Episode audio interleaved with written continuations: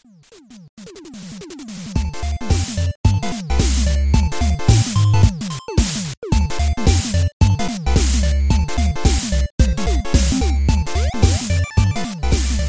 och välkommen till avsnitt 49 utav Drupalsnack. Ikväll kommer vi prata om CDN. Först vill jag dock säga att det här avsnittet sponsras utav Kodamera, en webbyrå med inriktning på öppen källkod. Ikväll har jag med mig ingen mindre än Fredrik Jonsson. Hallå hallå! Mm, tjenare Kristoffer. Kul att vara tillbaka en sväng. Ja, jo men det är så trevligt. Och som sagt, själv är Kristoffer Wiklund och det blev vi som pratar här ikväll. Så hur står det till Fredrik? Du har varit föräldraledig ett tag här nu. Har du överlevt? Ja, det är alldeles utmärkt. Jag har, varit, jag har jobbat men jag har minskat ner på lite andra saker. Ju mer barn man har desto mer jobb blir det. Så man får välja. Ja, men vi har ju valt att kalla in dig här nu eftersom du har eh, lite mer erfarenhet av CDN än oss, än mig och Adam och så. Moa kunde tyvärr inte närvara här. Hon har också jobbat med det lite grann. Så eh, då har vi ju välkomnat med dig Fredrik hit för att prata om CDN. Och kan du Fredrik ge oss en liten förklaring? Vad är CDN för någonting? CDN står ju för Content Delivery Network och den stora poängen är att få innehållet närmare användarna. Som ni vet så är ljusets hastighet väldigt snabb men den är inte oändligt snabb. Så att om man har en server i eh, USA och man själv befinner sig i Sverige så har man åtminstone 2 eller 300 millisekunders pingtid. Och en, mot en svensk server kanske man har 30, 40 eller 50 millisekunders pingtid. Och det låter inte så mycket men med många små resurser på en hemsida som ska laddas hem och det är många anrop som ska göras så, så märks det en hel del. Och det, då är det första anledningen till att använda en CDN just att de här CDN-systemen som till exempel Amazon CloudFront som Drupalsnack använder har stora servicecentra utspridda över hela världen. Och eh, genom att placera vårt innehåll på deras servrar så kan eh, Amerikanare kan ladda hem från amerikanska servrar. Folk i Japan kan ladda hem från eh, servrar i Japan etc. och få då betydligt snabbare svarstider. Eh, en annan eh, en bieffekt av det är som det, det här innehållet då hamnar på just i Drupal Snacks läger och på Amazon servrar är ju att folk inte behöver ladda hem från vår server. Vår server belastas inte så hårt. De här stora mp3-filerna laddas upp en gång till Amazon från vår server och sen alla andra besökare laddar hem direkt från Amazon-servrar. Så att vår server behöver göra mindre jobb och besökarna får eh, väldigt snabba svarstider och snabba nedladdningar. Jo, så det, det, finns ju två saker just där med CDN som är, är, bra. Den ena är ju det att man ser till så att innehållet kommer närmare slutkunderna. Och sedan så har du det också att du kan le leverera mer data eftersom det är utspritt och det är oftast Eh, CDN är ju byggda för att bara leverera data så att de är ju bra på det. Och då kan de ta toppar utav trafik väldigt bra. Väldigt bra sammanfattning. En tredje sak man kan säga är ju att man kan få om man utsätts för olika typer av attacker DDoS-attacker eller andra liknande saker så är det väldigt bra att ha någonting emellan de som försöker attackera och ens egen server. Mm. Ta till exempel nu det här stora som GitHub råkade ut för att eh, Kinas regering styrde om en hel massa trafik mot, eh, mot GitHubs servrar. Om det skulle hända eh, mot Drupalsnacks servrar så skulle vi ha väldigt svårt att klara av en sån, eh, sån armstormning. Det var inte de resurserna eller den kompetensen. Om man då har, Drupalsnack är inte konfigurerat så men man kan, en väldigt populär tjänst som heter Cloudflare fungerar just så att man man sätter hela sin webbplats bakanför eh, CDN. Så att alla anropen går via till exempel då Cloudflare eller andra sådana typer av tjänster. Så då kan de hantera den här jätteanstormningen och, eller DDoS-attacken eller vad det nu kan vara för någonting. Mm. Så att man blir lite isolerad från det stora hemska internet. Det jag tänkte på här nu då, det är ju att då lägger man till lite mellanlager där och så. Hur, när passar det egentligen bra att ha CDN? Finns det någonting man, man ska tänka på att ja men nu, nu behöver vi nog en CDN? Så det finns det är precis de, de skälen som du nämnde där. Att man, det ena är ju då när man har besökare från många olika håll i världen. Så även om man inte har så väldigt mycket besökare så, här, så har man besökare från många olika ställen i världen och vill att de ska uppleva eh, webbplatsen som snabb. Så finns det en väldigt bra idé att ha en CDN. Och så har man tunga filer som man vill distribuera. Eh, som till exempel en ja, MP3-filer är inte så, så våldsamt tunga men men jämfört med lite bilder och HTML så är en MP3 väldigt tung. Man har videofiler och sånt som man vill få hjälp med att distribuera snabbt så kan en då kan också en CDN vara väldigt bra. Och har man då mediafiler som ska ut över hela världen då har man ju två anledningar att, att använda en CDN. Mm. Och eh, finns det lägen då man inte ska ha en CDN? Ja, det, Kör man med eh, TLS eller eh, SSL vad det ska säga och har väldigt höga krav på säkerhet så kan det vara ett, eh, ett problem. Därför att man får ju, ens trafik kommer ju gå via någon annans servrar och kommer använda deras certifikat så att man, man har ju inte full kontroll på på trafiken mellan användaren och vår egen server utan det är någon annan som sitter emellan där. Mm. Men i övrigt kan jag inte se några problem alls. Mm. Finns det någon, eh, nu när vi pratar om dess säkerhet, finns det någon risk att CDN eh, levererar fel data? Att de eh, antingen är elaka och byter ut datan eller kanske mixar upp och skickar fel filer? Ja, så om de medvetet gör någonting så är det dags att byta tjänst. Så det får man väl välja med omsorg, den, man väljer en seriös tjänst. Mm. Någonting som kan vara lite bökigt ibland att CDN cashar ju naturligtvis de här filerna. Det är ju som poängen att, att den, den cashar dem. Så att om man eh, behöver uppdatera någonting så måste man ju tala om för CDN att nu måste du hämta den här filen på nytt. Man måste invalidera cachen. Och det kan ju bli att det blir lite försening, att man, det, det går inte lika snabbt att uppdatera innehåll. Att besökare på olika ställen i världen kan få lite gammalt innehåll i några minuter eller ja, vad det nu kan handla om. Mm. Men det brukar alltid gå att lösa. Mm. Eh, men det är någonting man kan behöva tänka på och för det mesta så spelar det inte så stor roll om den här uppdaterade artikeln om det är någon besökare som ser den gamla versionen i fem minuter eller det överlever man. Mm. Nej, det är väl mer att man just väljer en seriös leverantör. För att eh, man säger ju verkligen till sina besökare att hämta datan från den här servern som inte jag egentligen har kontroll över. Och då kan de ju, om det har hänt ett statiskt JavaScript från en annan tjänst så kan de ju smyga in ändringar. Och ingen seriös aktör skulle ens våga sig ens försöka på det hela. Men om man har en aktör i, i en rysk eller i Kina så får man väl vara lite mer observant och kanske kolla upp det hela. Ja. Men det här låter ju som att det, det, kanske är lite mer jobb än för sin vanliga lilla blogg. Kan man, om vi säger först och främst, tror man ser någon prestandardförbättring för sin lilla blogg här i Sverige med 2000 besökare i månaden? Om besökarna kommer från olika ställen i världen, så absolut. Mm. Speciellt om man eh, gillar att ha en hel del bilder på sin blogg och så här, så att det är en, det är en hel del saker att ladda. Mm. Idag är det populärt att ha ganska högupplösta och fina bilder. Och man vill att sidan verkligen ska kännas sådär riktigt rapp. Att sidorna bara smäller upp på skärmen. Så är en eh, CDN helt klart någonting att överväga. Mm. Hur ofta brukar du lägga in CDN på de sajterna du bygger?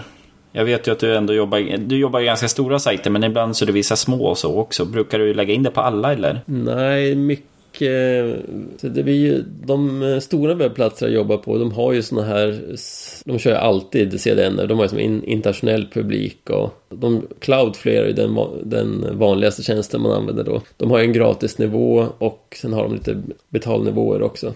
Och just den gratisnivån är det väldigt många som använder och det finns eh, väldigt enkel att sätta upp. Just Cloudflare har en väldigt eh, snygg wizard där man går igenom och talar om exakt vad man ska göra och sådär. Och då, man behöver faktiskt inte göra någonting på sin egen webbplats då utan man kan bara göra ändringar i DNSen. Och sen kommer alla förfrågningar gå via Cloudflare. Mm. Det är många av mina stora webbplatser som kör. Sen har jag väl min egen webbplats, Drupalsnack och ett, en till tror jag liten sajt som jag kör Amazon Cloudfront just för att få ut statiska resurser som bilder och lite andra mediafiler mm. snabbt till olika ställen i världen. Mm. Om vi då går vidare med här nu, hur eh, sätter man upp och installerar? Om vi tänker oss eh, CDN i det vanliga fallet då med Amazon, hur går man tillväga då? Ja, om man har Amazon eller om man bara har... eh, Man kan sätta upp egen, om man... Det är ett specifikt land så kan man sätta upp en egen liten miniserver i det landet och göra som sin egen lilla CDN. Och eh, sättet man, eh, man gör på det blir precis likadant även om man använder stora Amazon eller det finns en massa sådana olika tjänster. Eh, och det finns en väldigt trevlig modul som heter just CDN för Drupal. Och det man gör med den modulen det blir att man installerar den, man talar om vilken adress är det till CDNen själv använder jag ofta just static.exempel.se Men det går ju att ha vad som helst. Mm. Det spelar ingen roll. Men att man, man talar om vilken, eh, vilken adress det är. Och sen är man klar. Och då den CDN-modulen, det den gör det är att den skriver om alla URLer på, som, som Drupal genererar. Så att då skriver den om alla URLer för alla JavaScript och för alla bilder och ja, vad man nu har kryssat i för någonting.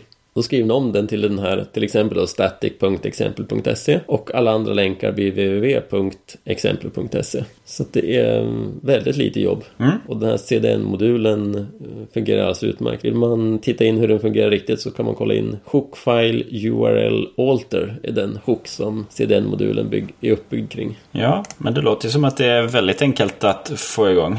Så jag har någon eh, liten egen kod jag som använder just den här hookfile URL alter som jag använder. Tror det är den jag stoppat in på eh, Drupal Snacks sida också. För att om man vet exakt vad man behöver så det är 20 rader kod som man kan stoppa in då i någon av sina custom-moduler istället för att installera CDN-modulen. Då behöver man inte ha en hela extra modulen men för de flesta är det betydligt enklare att installera CDN-modulen. Mm. Den fungerar alltså utmärkt. Har du koll på ungefär vad det brukar kosta? För, eller hur brukar betalningsmodellerna se ut på CDN?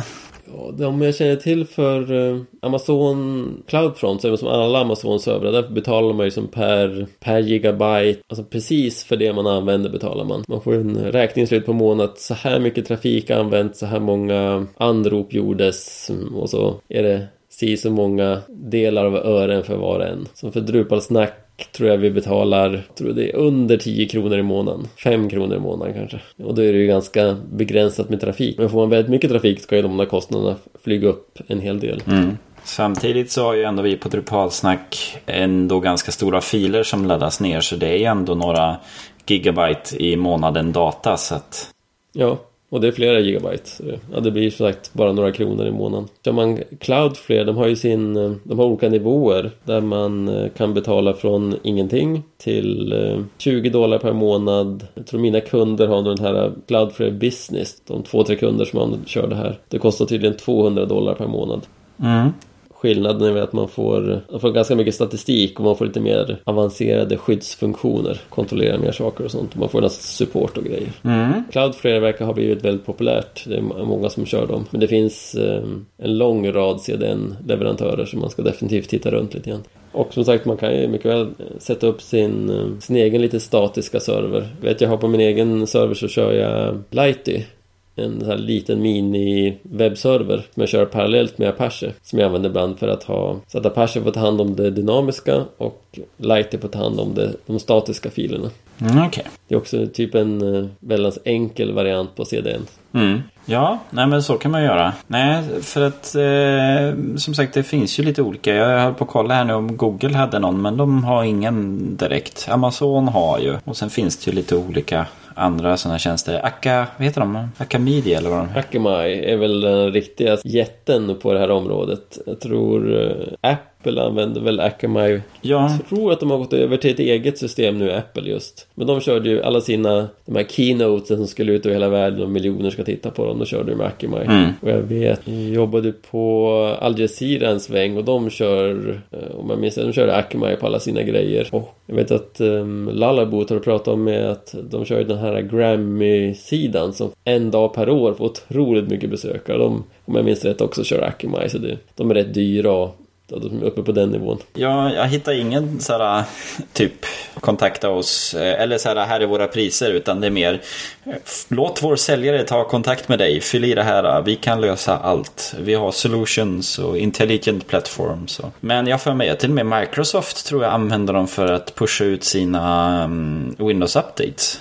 Om du måste fråga om priset så har du inte råd. Ja, Nej, jag vet inte, de, de, de tar nog bra betalt för men de har en väldigt proffsig tjänst också får man ju räkna med. mm. Med en massa API och grejer. Sen det finns ju lite olika varianter sådär light-varianter man kan göra. Antingen kör man egen server eller så kan man ju själv se till så att man inte hostar all data själv. Till exempel tredjepartsbibliotek, jQuery och lite sådana andra JavaScript-bibliotek som man använder. Ja men Flexider, Colorbox och sådana kanske man inte behöver ha lokalt.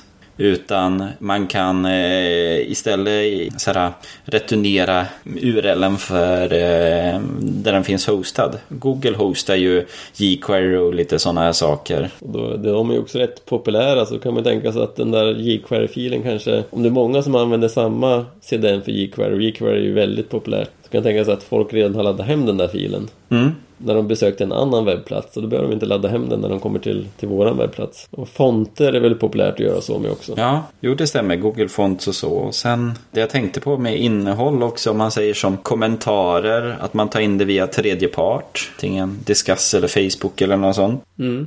Ja det, ja, det är samma typ av lösning. Och eh, film. Det är ju få som hostar sin egen film nu för tiden. Utan då väljer man YouTube eller någon annan sån videotjänst. Jag vet en kund jag jobbar med där har man eh, en annan leverantör just för att man, man har rättighet att använda eh, ljud och, och musik men det är väldigt svårt att processa det mot YouTube och kunna visa på att jo men vi har faktiskt upprops eller vi har rättighet att få använda den här musiken i det här klippet. För då är det automatfilter som bara sorterar bort det hela. Men då är det ju det, då har man ju lagt ut sin data på någon annan part. Så då har man ju som en eh, content network som man inte har koll på själv. Och YouTube har ju definitivt server över hela världen. Mm. Men där har jag upptäckt ibland vissa klipp som man går in på. Då finns såhär, då eh, kommer inget klipp och sen väntar man en halvtimme. Då finns det klipp att titta på och då är det väl att då ska det tuggas upp från något arkiv och ut till en Edge-server som jag ansluter till. Det, det, är ju lite delay. Youtube jobbar ju, eller Google ska man snarare säga, jobbar ju otroligt mycket tydligen med just Youtube för att få ner bredbandskostnaderna. Mm. Youtube går ju till inte, går bara precis plus minus noll. Ja.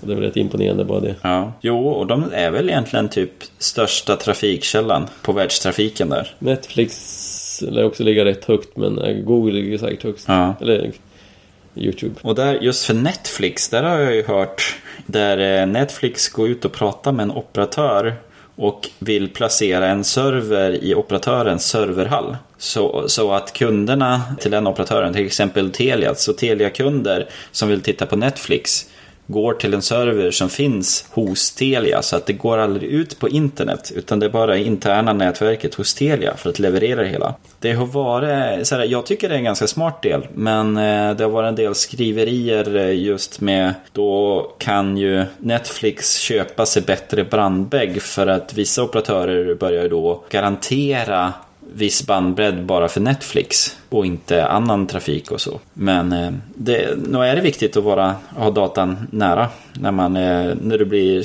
många och stora projekt. Mm, förstår man att Netflix blir en väldigt mycket trevligare tjänst om när man går till den där filmen och trycker play så får man inte en sån där snurrande kugghjul i 30 sekunder innan det händer någonting utan det är som det bara pam så börjar filmen. Mm. Och det fungerar att spola i den fram och tillbaka och sådana saker. Det höjer upp kvaliteten på tjänsten ordentligt. Mm. Sen så dök det upp en bloggpost ganska nyligen som just pratade om SEO och CDN. Så det här kan man behöva tänka på i vissa fall för att eh, som i fallet här nu så med Drupalsnack så har vi ju Static 2 där vi lägger vår data på. Då om vi skulle säga att vi har en pdf där och eh, den finns på vår sida och Google börjar indexera den. I det här fallet så är vi ju fortfarande kvar på drupalsnack.se-domänen. Och då när Google indexerar den här pdfen så får man, kan man fortfarande ta tillvara på den länkkraften. Men om man har en CDN som ligger på en helt annan domännamn, då har man ju länkat bort säg eh, besökarna eh, från sin sajt. Och eh, Google kommer ju då helt enkelt tycka att ja, ja men den här domänen som heter Drupal snack static.amazon.se Det är ju där datan finns och den, den tycker vi innehåller pdf-innehållet. Så att man får ju se upp lite grann och se hur man, vad man väljer för namn och eh, också om, man, eh, om det cashas statiska sidor, att man har eh, körmodulen, vad heter den? Global Re Direct, Redirect eller något sånt där. Den lägger på en sån canonical metatag som säger grunddatan finns på den här domännamnet. Och sen den här bloggposten tog upp också hur man kan fixa till lite grann i Apache och se till så att man lägger på en header tag med en länk tillbaka till sin egen sajt. Man vet vart innehållet egentligen finns. Ja, så att eh, det får man ju tänka på lite grann också. Eh, om man har mycket data. Just pdf tycker ju Google om att indexera. Så där får man tänka till lite grann. Som avrundning på CDN-grejen så säger jag att eh, jag tycker nog att det är nog fler som skulle fundera över att köra en CDN än som, än som gör det idag. Mm. Det är mindre krångligt att sätta upp än man kanske först tror. Och upplevelsen för besökare, det som besökare som finns långt bort från ens egen server blir eh, bra mycket trevligare. Det har ju gjorts mycket undersökningar på det där att man, även fast man kanske man sitter och jobbar med webbplats och så, då kanske man inte tänker så mycket ändå på att och den här sidan tar eh, 700 millisekunder att ladda och den här tar 400 millisekunder att ladda. Men människor omedvetet är ganska känsliga för sånt där. Det är, Amazon har ju märkt att ökar man sidladdningstiden med si så många millisekunder så sjunker försäljningen med så här många procent. Mm. Och börjar sidladdningstiden gå upp i sekunder så blir det så mycket mer märkbart. Man laddar sig, ja men och så kommer texten och så poppar en bild upp och en bild upp och så, ja. Man ledsnar snabbare på att uh, åka runt på nätet som är långsamt. Man uh, kanske, man lämnar webben, ja men här webbplatsen, ja visst det var lite snygga bilder här och det var lite kul att läsa men ah. Fast man kanske inte tänker att det är därför att webbplatsen är långsam man gör det. Så det är så folk eh, uppför sig. Mm. Det som inte är snabbt känns tråkigt. Ja, nej, jag ska, eh, jag ska nog titta upp det lite grann mer också eftersom det var så pass enkelt. Och sen så kan det ju vara bra just att benchmarka det lite grann också så man vet vad man, mm. vad man får och inte får. För att det kan ju göra ganska... Det kanske inte är de statiska filernas nedladdning som är det största problemet utan att man kanske inte ens har slagit på cachning på sin huvudsida. Och det är ju ett bra första steg. I Drupal 8 nu är ju cachning påslaget som förval. Ja, jag såg ju det. Eh, och man har ju blivit då snabbare än Drupal 7. Det är ju bra att man nu har optimerat det. Man ser förbättringarna. Ja, vi får se vad som händer här nu på DrupalCon. Vi säger Los Angeles. De skulle till oss. Ja, det tyckte jag läste någonstans. För det brukar ju ändå hända ganska mycket i kärnan när det är sådana event. Drupal Dev Days, du var inte på den va? Nej. Där eh, jobbar man ju ner så det var bara 37 stycken eh, release candidate blockers. Eh, nu vet jag inte om det har blivit några till eller inte. Men det är ju alla de här critical issuerna som ska bort. Och när de är på noll då släpper man en release candidate utav Drupal 8. Dags att börja kolla över ens moduler så att de funkar med Drupal 8 igen. Ja, vi ska se. Jag vet nu kanske börjar stabiliseras. Som ett tag tyckte jag att varenda beta så fick man, jag gav upp ett tag där och släppa nya versioner av Colorbox och de här. För att det ändrade så mycket så att man kunde lika gärna vänta ett tag tills man kunde göra sätta sig ner ordentligt och få det att fungera. Ja, ja. Nej, det är 37 stycken issues fortfarande kvar. Många är ju needs review, en är reviewed and tested by community. Några needs work, vissa active och några postpone. Så att eh, ja, det, det kan förhoppningsvis så kommer det väl hända en hel del på DrupalCon. Ja, men det var ju det vi hade här om CDN. Och om du som lyssnar på oss har mer frågor och funderingar eller input eller vill korrigera oss eller så, så mm, går det bara fint att kontakta oss. Vi finns ju på eh, Twitter och eh, vi har ju kontaktformulär på drupalsnack.se och vi har ju mail info.drupalsnack.se. På vår hemsida kan du också för övrigt signa upp er på vårt nyhetsbrev så får ni meddelande direkt när det kommer ut ett nytt avsnitt. Eller så prenumererar ni på RSS-flödet rakt in i eh, mediaspelaren. Och med det så vill jag avsluta med att det här avsnittet sponsrades utav Kodamera, en webbyrå med inriktning på öppen källkod. För er som inte stannar på eftersnack så säger jag och Fredrik hej då! Hej då!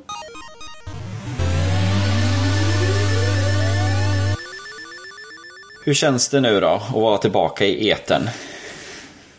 Härligt. Härligt. Ja, jag saknar det lite grann. Ja. ja, du är välkommen tillbaka. Bara att se när familjelivet och jobblivet tillåter det hela så är det bara att hänga på. Ja, absolut. Jag lyssnar ju på era, era avsnitt här. Ja, Ni missade företagsformen ekonomisk förening när vi pratade om företagare. Ja, det gjorde vi ju. Det är ju det ni har i Combo Network va? Precis. Vi är ju ett, eh, ett helt gäng som, som är med där och inte bara datagrejer utan en massa andra saker. Men eh, en av fördelarna med ekonomisk förening är ju att det är skattemässigt nästan exakt som aktiebolag. Okay. Så nästan alla fördelar man har med aktiebolag har man också med en ekonomisk förening. Att det är egen, egen juridisk person och allt sånt där. Det enda är ju bara det här med själva aktierna är lite annorlunda. Ja. Eftersom det inte finns. Hur blir det med vinst och så då? Sparas det i den ekonomiska föreningen då? Ja, det kan man ju. Man kan göra utdelningar om man vill. Det är hur stadgarna är skrivna sådär. Mm. I vårt företag så har vi ju var och en tjänar in sina egna pengar. Och så tar vi någon procent av gemensamma kostnader så att det blir ju ingen, det blir aldrig någon vinst egentligen utan det blir ju var och en har sina, lite objektbokföring där så har var och en sin egen del. Mm. Som de gör vad de känner för. Ja. Och den där procenten det går till någon som just sköter pappersexercisen och får det betalt eller? Ja precis. Och lite någon lite server och postbox och lite sådana saker. Mm. Ekonomisk förening är inte, inte så väldigt vanlig företagsform i Sverige. Det är mest man tänker Konsum och sådana grejer. Mm. Men det är en alldeles utmärkt företagsform. Som sagt alla fördelar som, som deklarationer och bokföring och allting sånt är precis som ett aktiebolag. Jag hade, ehm, tyvärr fick jag lite erfarenhet av handelsbolag. Det, nästa gång jag ser handelsbolag ska jag springa så långt jag kan åt andra hållet. ja. Hova. Ens egen deklaration blir jättekrånglig. Företagets deklaration är jättekrånglig. Det är inte egen juridisk person. Ringer man Skatteverket som man normalt får jättebra svar av. Svårt att ha några funderingar i vårt företag så ringer vi bara Skatteverket. Mm. Men när man ringer och säger att det är handelsbolag då hör man nästan som en djup suck på andra änden. Ja. De tycker också att det var jättejobbigt. Och det, det är svårt att hitta någon som verkligen kan handelsbolag. Mm. Det är väl en helt utdöende form av företagande. Ja. Ni som lyssnar, skaffa aldrig någonsin ett handelsbolag. Nej, har, vi ska lägga ner vårt handelsbolag också. Men då måste man ju se vad är det man behöver göra och inte göra. Men det är ju lite pappersexercis. Ja, jag satt många kvällar innan jag fick död på det där. Ja. Jag tänkte på en ekonomisk förening. Mycket bostadsföreningar är väl det va?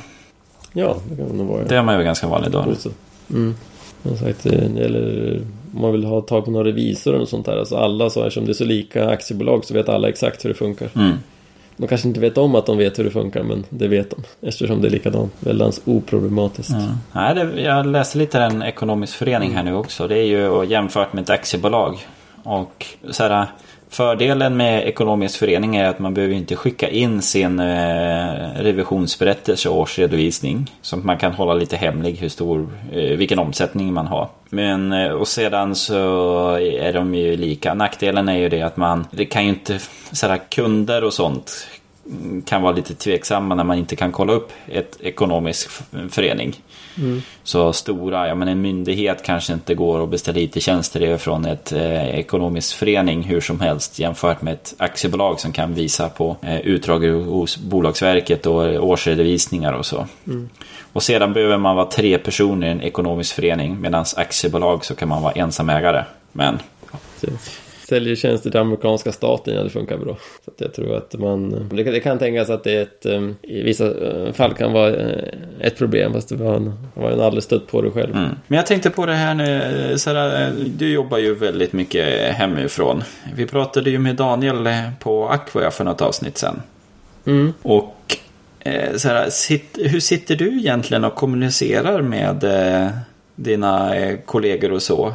Sitter du med någon Skype igång hela tiden eller är det IRC som körs i en terminal? Det var mer Skype förut. Men jag har nästan helt övergivet det för eh, en tjänst som heter Slack. Du har också gått över till det alltså? Det är ju det nya modeordet känns det som. Ja, precis. Eh, och så Slack och Trello är där jag sitter princip dagarna ända. Skype har jag inte igång längre, vilket jag är ganska glad över att jag slipper. Mm. Annars använder jag förut och Skype en del för just för kundkommunikationer. En del på e-post också, men det är bättre att ha det samlat i, i, i Slack och Trello.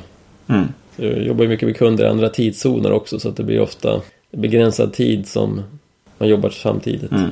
Och andra kunder, jag har Jag har kunder som jag aldrig någonsin har pratat med eller jag skickade kanske ett par e-postbrev i början och så sätter man upp en Trello-tavla och sen bara jobbar man där. Aldrig någonsin någon behov av att kommunicera på ett annat sätt. Ja. Nej, det är fascinerande vad dataåldern kan göra och så. Det är ju också att hitta kunder som man, som man har lätt att kommunicera med. Mm.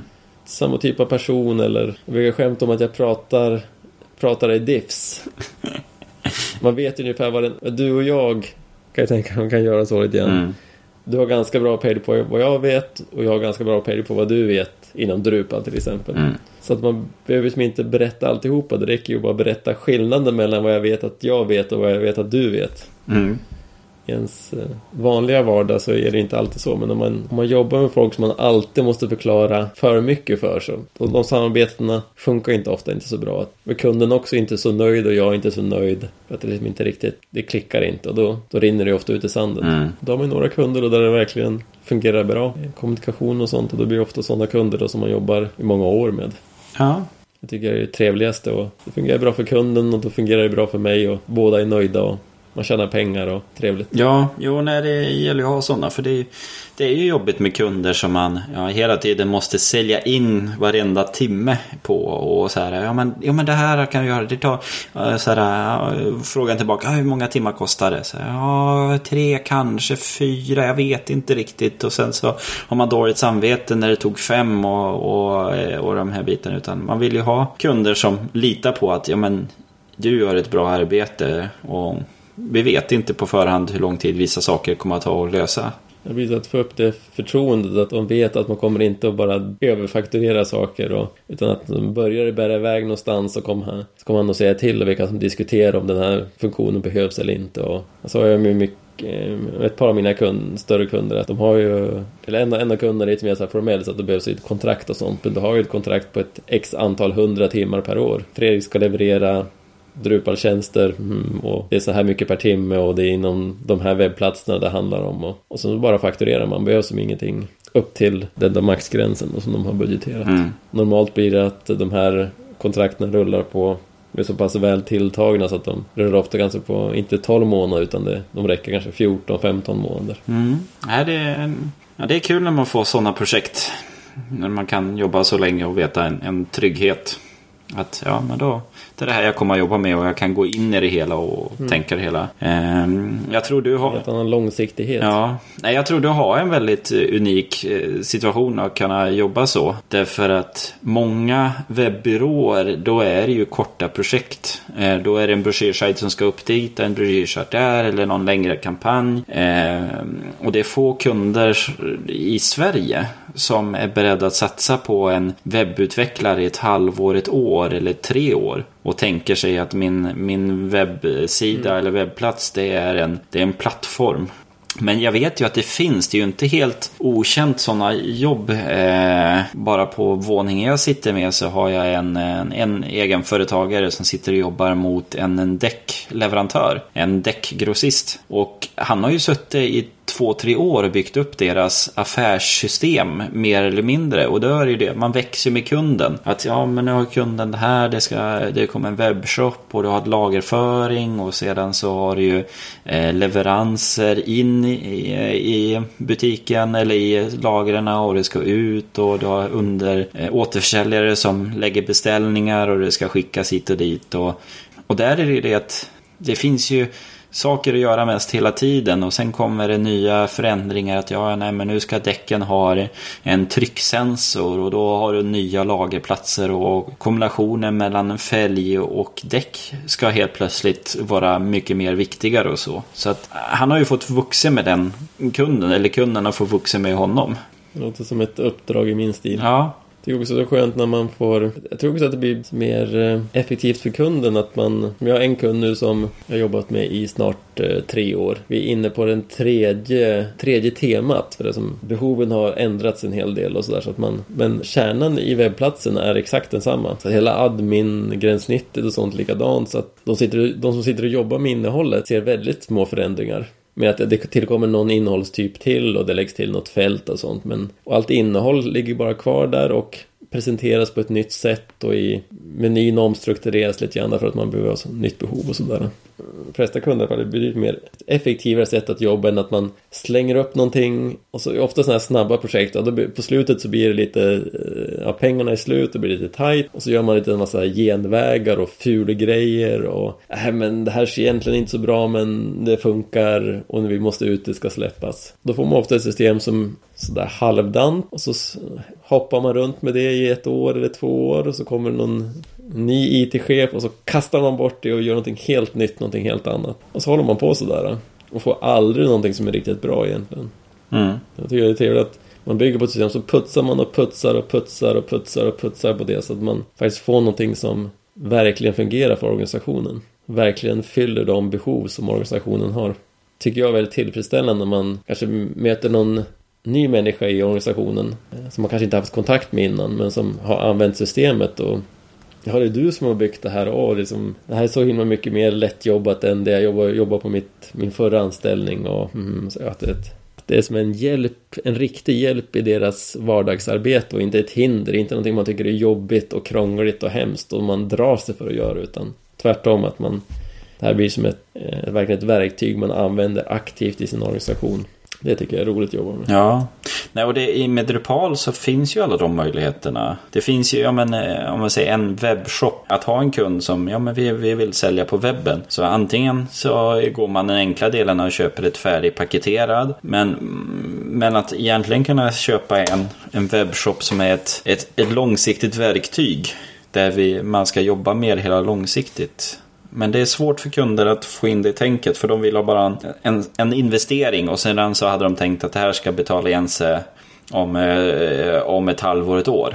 Och sen så eh, att de, många företagare just tänker så att det är, är korta investeringar, det är inte någon långsiktig utgift. För långsiktiga utgifter är ju svåra för att då vet man ju inte när det är dåliga tider så är det svårt att dra ner på dem. Men en investering kan man alltid ta när det går bra. Nya IT-chefer brukar gilla att vilja sätta sin prägel på någonting och ny webbplats det kan alla se. Ja. Vi pratade om SSL tidigare. Har du sett EFS uh, nya kampanj där? Let's Encrypt. Som de kör tillsammans med Eh, Mozilla och Akamai som vi pratade om förut och Cisco och lite andra sådana Nej. Automatic, de som gör Wordpress också. Det ska komma senare år. Ett av problemen med, det är ju kampanjen att alla borde um, köra krypterat på sina webbplatser. Alltså det ska vara HTTPS och inte HTTP. Mm.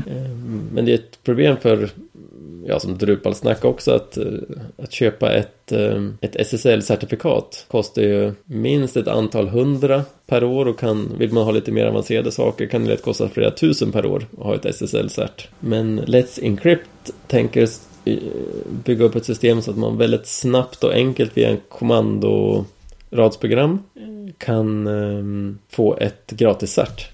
Man kan ge ett kommando på kommandoraden på sin server. Pang så har Apache allting konfigurerat och man har ett, eh, ett cert och kan köra HTTPS med du har bara domäncertifiering så att certet talar om att eh, den här domänen tillhör faktiskt den här servern.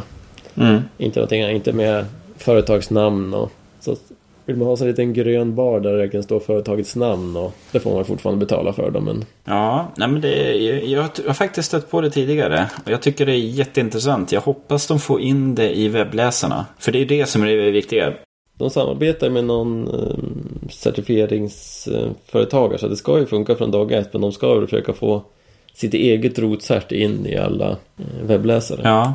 Mozilla är med så att i Firefox lär det finnas med från dag ett. Mm. Det är ganska stora namn så jag skulle gissa att um, de borde ha framgång i det. Mm. Google till exempel kan jag inte förstå varför de ska ha någonting emot det här. De är ju väldans för att um, man ska ha allting uh, krypterat. Mm. Det är klart en, en tjänst att uh, hålla ögonen på om man kör egen server och är intresserad av att köra HTTPS framöver utan att betala massa pengar. Ja. Jag ska definitivt köra det på Trubarsnack.se. Mm. Det ska komma här i senare i år. Ja, nej jag tycker det är väldigt intressant. Linux Foundation står bakom för också. Ja. Har du sprungit på någonting annat roligt? Jag måste tänka här kommer inte på någonting på äh, rak arm här nu. Jag, men jag har ju jag börjar komma ikapp i mina bloggläsande här nu. Ja, jag hörde du så hade, jag vet inte hur många hundra du sa att du hade ja, innan. Nu är jag nere på, ja, nu är jag nere på eh, tio stycken blogginlägg. Och de är, de är videos som är typ en timmes video. Så de, de är lite jobbigare att dra sig igenom. Viga en söndag. Ja, Så att vi får väl se vad som händer om jag ska köra lite Drupalsnack-nyheter eller inte. Jag har en mailkorg här med 438 tips på sajter. Det blir ett långt nyhetsavsnitt. Ja, det finns ju allt ifrån vad som hände på Drupal Dev Days i, i Frankrike där och eh, Node.js har en splittring. Eh, som, det har varit två parter som har olika inriktningar så det är forkat och nu är det en tredje part också. Drupal 8 med configuration management och lite sådär. Ja. Nej, i övrigt så för min egen del är ju att jag har ju suttit med en kund eh, och med eh, Aqua. Så att jag har mm.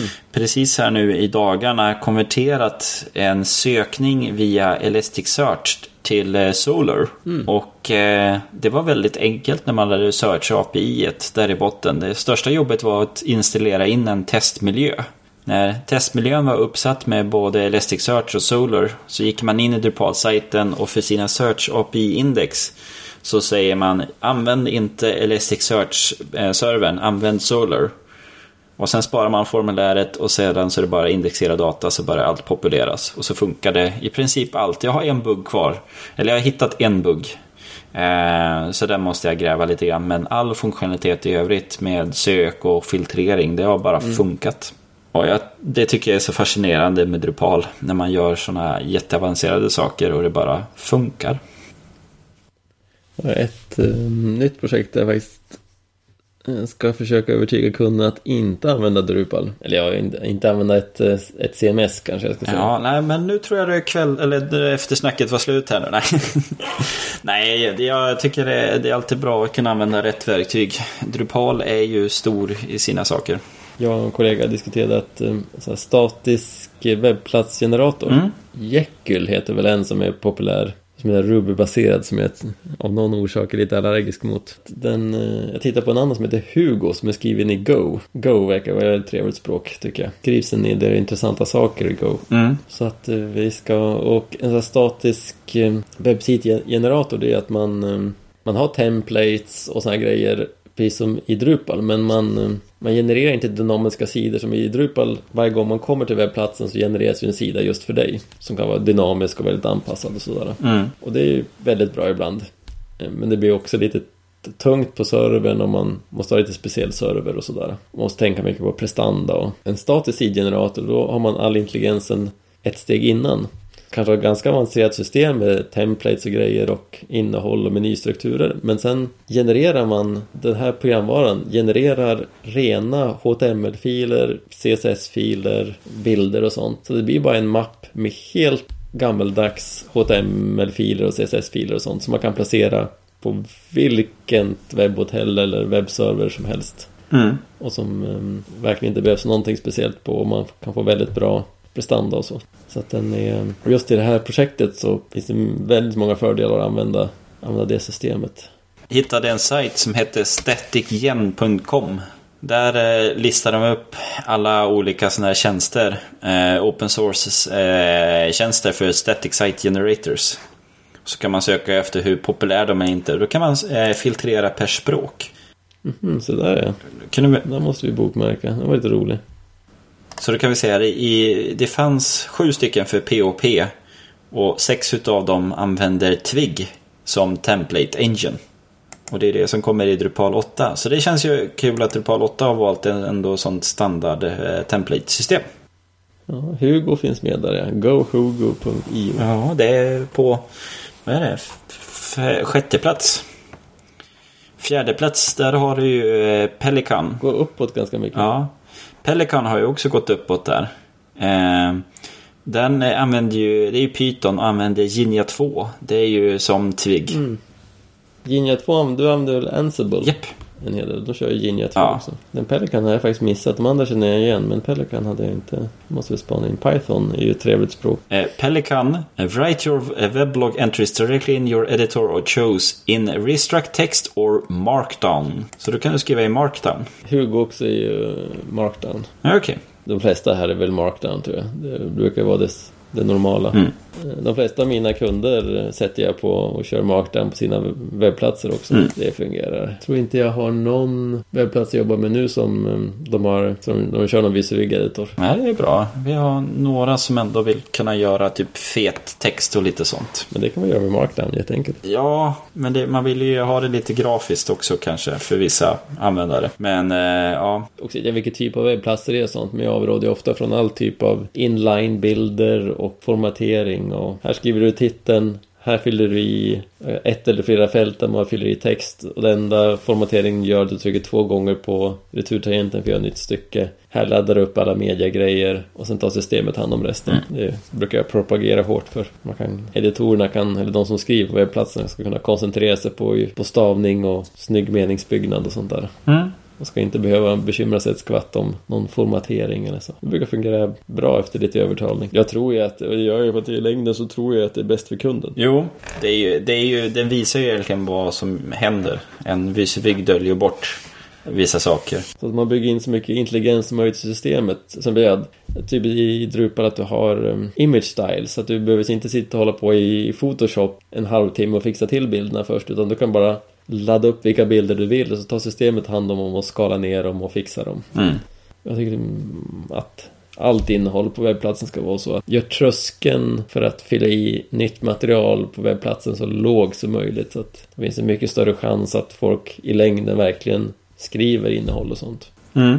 Måste man sitta och hålla på för mycket med och som ska ordna och justera saker och när visual så ofta så blir det inte riktigt som man tänkt så måste gå tillbaka och editera och ja, det blir jobbigt och känns krångligt och då tror jag att um, man ofta, nej men jag gör det imorgon eller jag gör det någon annan gång och sen helt plötsligt har man en webbplats som inte har, där det står att man hade semester år 2012. Ja. Nej, det har vi också märkt. Vissa kunder, det är de egentligen... De behöver inte en hemsida de kan ändra i. De behöver en, ett telefonnummer de kan ringa till som ändrar det hela.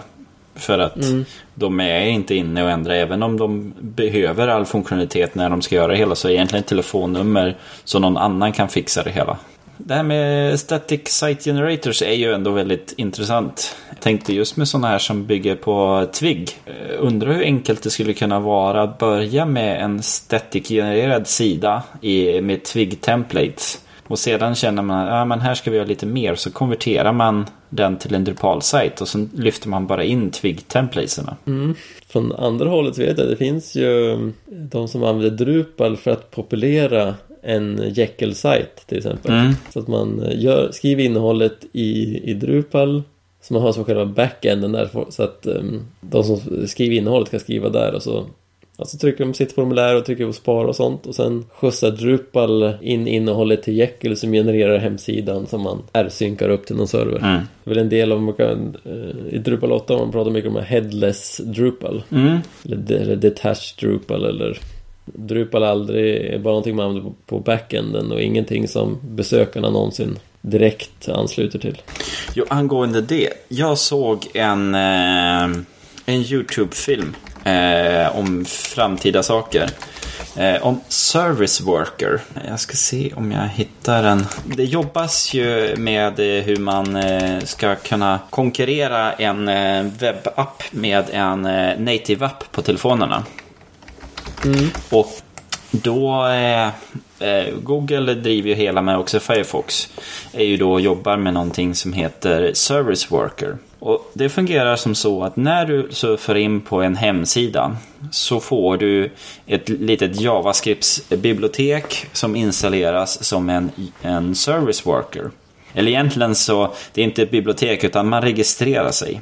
Så i din webbläsare så finns det ju då i HTML5-standarden någonting som du har som en egen, vad ska man säga, en App Store. Där appar då med tillåtelse får, eller webbsidor med tillåtelse får installera in eh, en JavaScript-kod som fungerar som en service worker. Och då kan webbläsaren Eh, när du surfar in på URL, då kommer den kolla och se vad finns i min service worker och den i sin tur kan hämta data antingen från cachen eller från nätverket. Så att i offline-läge, om du inte har något nätverk och du surfar in på den där URLen så kommer service workern kunna leverera sidan och den har hämtat in sina saker i cachen det som är också väldigt intressant det är att du, den stödjer även push. Så att du eh, kan till och med stänga av webbläsaren på telefonen.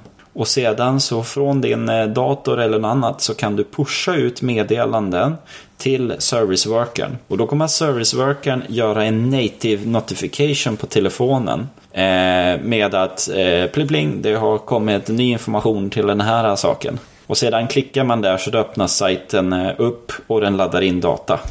Och med de där två sakerna så har man i princip kommit ikapp eh, native-apparna på väldigt många olika saker. Han eh, tog, han som presenterade det på YouTube-klippet en halvtimmes. Så sa han, ja men jag har ett, ett reseapp som är installerat på min telefon. Jag använder den i princip aldrig. För, förutom, den är väldigt bra att påminna mig när jag ska resa. Då gör den en notifiering och säger om ett dygn så ska du åka med det här flyget och den här gaten. Och då fanns det nära till hands, men sen använder den inte det på ett halvår. Och då en sån här service worker kunde lösa det mycket smidigare och ha det som en sajt. Så att... Eh, Intressant. Ja, det är jätteintressant och det funkar i senaste Chrome 42 som släpptes för en vecka sedan. Så dels på en Android-telefon och i eh, på datorn så fungerar de här pushmeddelanden. Tyvärr så måste man gå via eh, Googles vad heter det, General Communication Messaging System. Så att man eh, gör ett anrop till en Google-app för att kunna pusha ut meddelanden. Men tekniken börjar komma och eh, Firefox har på gång med det hela. Eh, det är några patchar som behövs in bara. Så det kan jag länka eh, till. Och där, ju, där har du verkligen så här, ja, men en headless Drupal eh, som funger får fungera backend till en sån offline-app. Jag tror sånt kommer bli um, allt vanligare. Mm. Att Drupal, Drupal 8 har ju, och det har ju diskuterats väldigt mycket, men kommer att kunna passa in väldigt bra där. Mm. HTML har ju inte längre någon speciell status i Drupal 8 utan du kan ju pusha in ut data på många olika sätt. JSON och lite allt möjligt. Mm. Nej, så att jag, jag blev så lite sugen att göra sådana här mobilappar i webbläsaren. Det funkade inte än på Chrome i iPhone, i alla fall när jag och kollegan testade hela i, här i veckan. Men eh, på hans eh, Mac-dator, då fick han upp en sån native eh, notifiering i OS på Macen. Mm. Webbsidor kan ju, på Macen kan ju skicka notifieringar. Det kan vanliga webbsidor också göra, men det är lite specifikt för, för OS 10. Mm. Man får ju upp från Trello och sånt. Ja, så att eh, den får ni titta på där i efterhand. I övrigt så tror jag nog vi, vi börjar vara klara för kvällen här nu. Det blev, blev en hel del eftersnack också. Så med det så vill jag tacka så mycket Fredrik för att du ställde upp och pratade serien med oss. Kul att vara med igen. Ja, och tacka alla våra lyssnare. Så säger vi tack och godnatt. Godnatt.